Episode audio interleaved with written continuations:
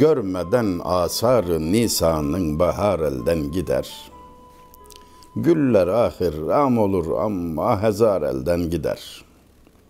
Ziya Paşa Nisan ayının eserlerini sen henüz fark etmeden bir de bakmışsın bahar geçip gitmiş görmeden asarı Nisan'ın bahar elden gider güller ahir ram olur ama hazar elden gider bülbülün yalvarışlarına dayanamayıp sonunda gül boyun eğer ama o vakte kadar bülbül elden gider. Olan olur, iş işten geçer.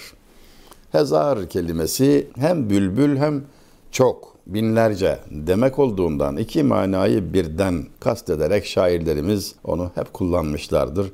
Binlercesi elden gider demiş olduğu gibi e, güle, bülbüle yazık olur. Gül olur der, ram olur ama bülbül elden gider. Çok meşhur bir gazelinin ilk beyti Ziya Paşa'nın Nisan ayının son günlerinde olduğumuz için hatırıma düştü. Bu bapta söylenen Nisan'a dair şairlerimizce söylenen seçme birkaç mısraya temas edeceğim. Nisan yağmuru, Nisan bulutu, ebri Nisan, ebr bulut demektir, Nisan bulutu. Şairlerimizi çok meşgul etmiştir. Mesela yümninatünden güher olmuş fuzuli sözleri Ebri Nisan'dan dönen tek lü'lü'i şehvare su.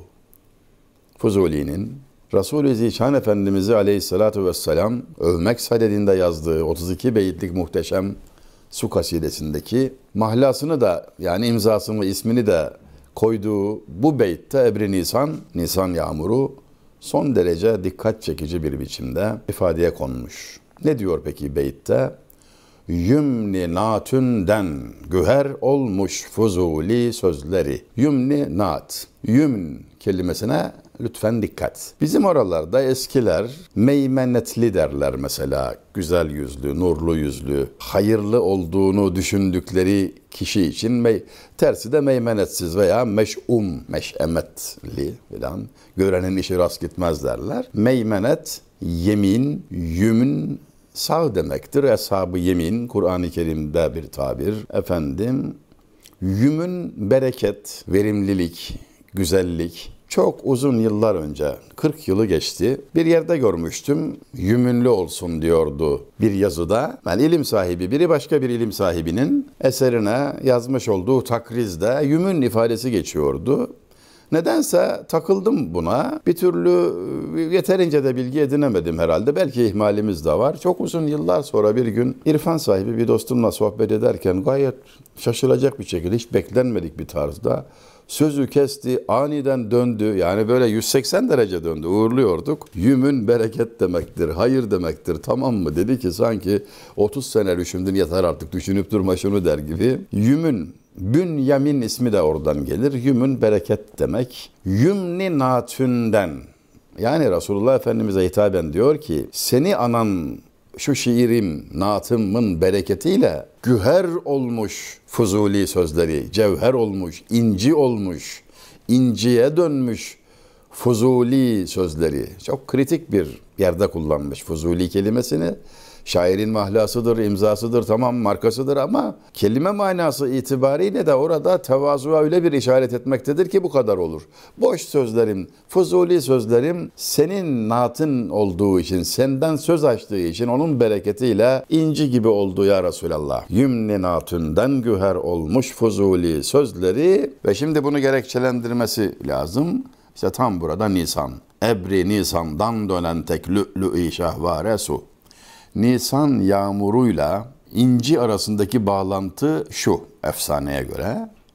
Denizin dibinde midye, o hayvancağız işte sadef, kabuklu hayvan, bir çakıl taşını alır ve yüze çıkar Nisan ayında. Ya Nisan yağmurundan nasibi olan bir damlayı bekler, ağzını açar denizin üstünde bekler. Ne kadar gerekiyorsa o kadar bekler. Ve bir damla suyu alınca kapanıp dibe iner. Gelmeden önce deniz dibinde gayet sert bir çakıl taşını da içine almıştır.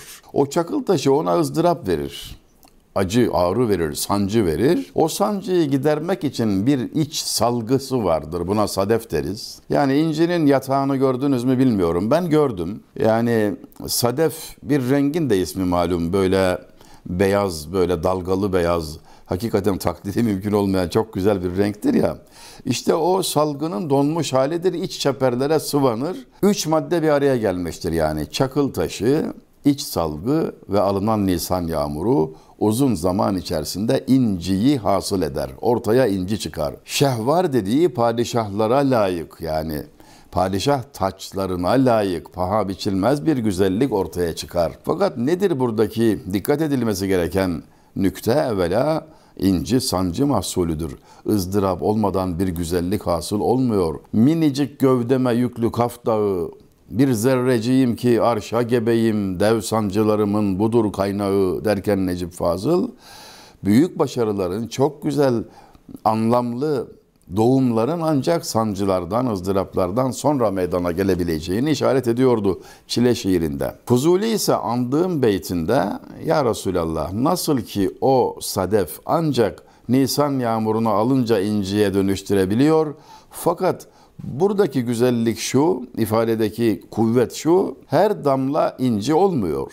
Mesela yine Nisan yağmurunun bazı damlaları engerek yılanı tarafından alınıyor. Onun ağzına düşüyor ve orada zehir oluyor.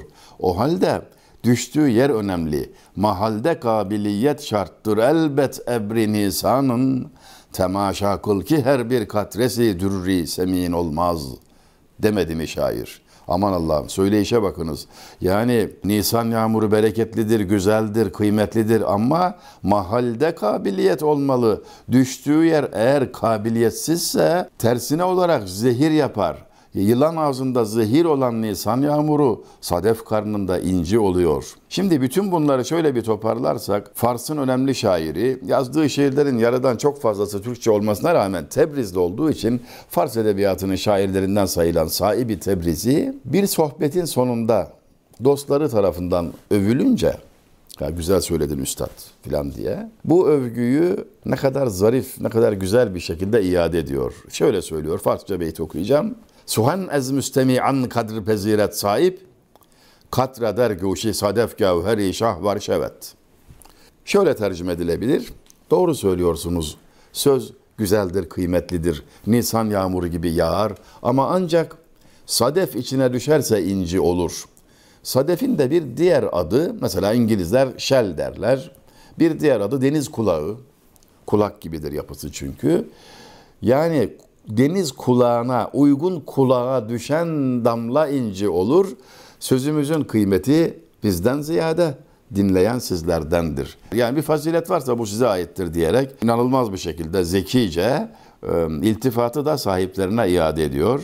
En başta okuduğum Ziya Paşa'nın beytine dönüp sözü bağlıyorum. Demiştik ki görmeden asarı nisanın bahar elden gider.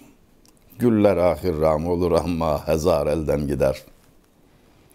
Evet gülün gönlü olur, ram olur ama o zamana kadar bülbülle yazık olur. Bülbül elden gider. Nisan'ın alametlerini sen daha menekşeler açtı mı, papatyalar nerede, bahar geldi mi, lale vardı Emirgan'da filan demene kalmadan bakmışsın baharda yazda geçmiş, hazan gelmiş. Ziya Paşa yani günümüzde pesimist dediğimiz tarza çok yakındır. Müncer olur umuri alem elbet bir nihayete. Sayfın şitaya meyli, baharın hazanedir diyen de o. Her işin bir sonucu var. Bir yere doğru akar gider diyor. Yaz kışa döner, bahar güze döner diyor. Dedikleri doğrudur. Evet yaz kışa döner ama aynı nükteyi bir başka şairden kış yaza döner merak etme, gecelerin sonu sabahtır diyerek olumlu biçimde de duymamız mümkündür. Ziya Paşa'mız biraz böyle, biraz bunalımdadır sanki. Tabir mazur görürsün, bunalım takılmayı sever. Burada da öyle yapmış. Nisan değil de aslı olan Hazan. Bahar değil de aslı olan Güz. Niye? E, bakalım o, o, o tarzı da kendisine bırakalım. Karışmayalım onun işine. Bu beyt Sultan Fatih'ten bu yana devam eden aynı redifli ard arda çok şiir yazılmış sevgili izleyenlerimiz. Yani aciz tespitimize göre ilki Fatih merhuma şair Avni'ye ait. Elden gider. Kanuni merhum Taşlıcalı Yahya, Balıkesirli Zati, Baba Eskili Şuhudi, da 17. yüzyılda 1612 vefatı Ziya Paşa, Konyalı Veysel Öksüz hepsi aynı redifi takip ederek yani yüzlerce yıl içinde ilki 15. sonuncusu 21. yüzyılda olmak üzere bu kadar şair aynı redif üzere o kadar güzel şeyler söylemişler ki sadece bu redifi takip ederek biraz edebiyat sohbeti yapalım desek önümüzde 200 beyitlik bir külliyat var benim ulaşabildiğim. Okuduğum beyti Veysel Öksüz merhum taştir etmiş.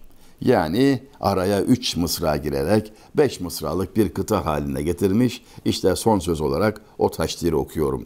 Şiirin tamamına yapılmıştır bu. Yani söz konusu olan 25 mısradır ama o kadar da yormak istemiyorum sizi. Sadece ilk beyti Veysel Öksüz bakalım nasıl taşdir etti. Okuduğum beş mısranın birincisi ve beşincisi Ziya Paşa'nın aradaki ikinci, üçüncü, dördüncü mısralar Veysel Öksüz'e ait. 1993 yılında ahirete uğurladığımız üstadı rahmetle anıyoruz. Görmeden asarı Nisa'nın bahar elden gider. Deste fırsat girdiğin farzet nigar elden gider. Akıbet dildarı görsem dil izar elden gider. Kılmadan bir dem temaşa gül izar elden gider. Güller ahir ram olur ama hezar elden gider.'' Uzun uzun izaha hacet yok. Şey, kıtanın bütününde denilen şey şudur ki yaşadığımız hayat doyumluk lezzetlere fırsat ve imkan vermiyor. Burası tadımlıktır. İbretini al dersine çalış da git. Boş gitme şu alemden. Sonsuz hayata doğru gidiyoruz. Ancak orayı kazanmanın tek imkan ve fırsatı şu değersiz dediğimiz,duğun dediğimiz dünya hayatıdır. Burada ders çalışmak vardır, gayret vardır. Fakat mükafat yoktur karşılık yoktur. Gideceğin yerde ise karşılıklar var ama çalışmaya fırsat ve imkan yok. Vesselam.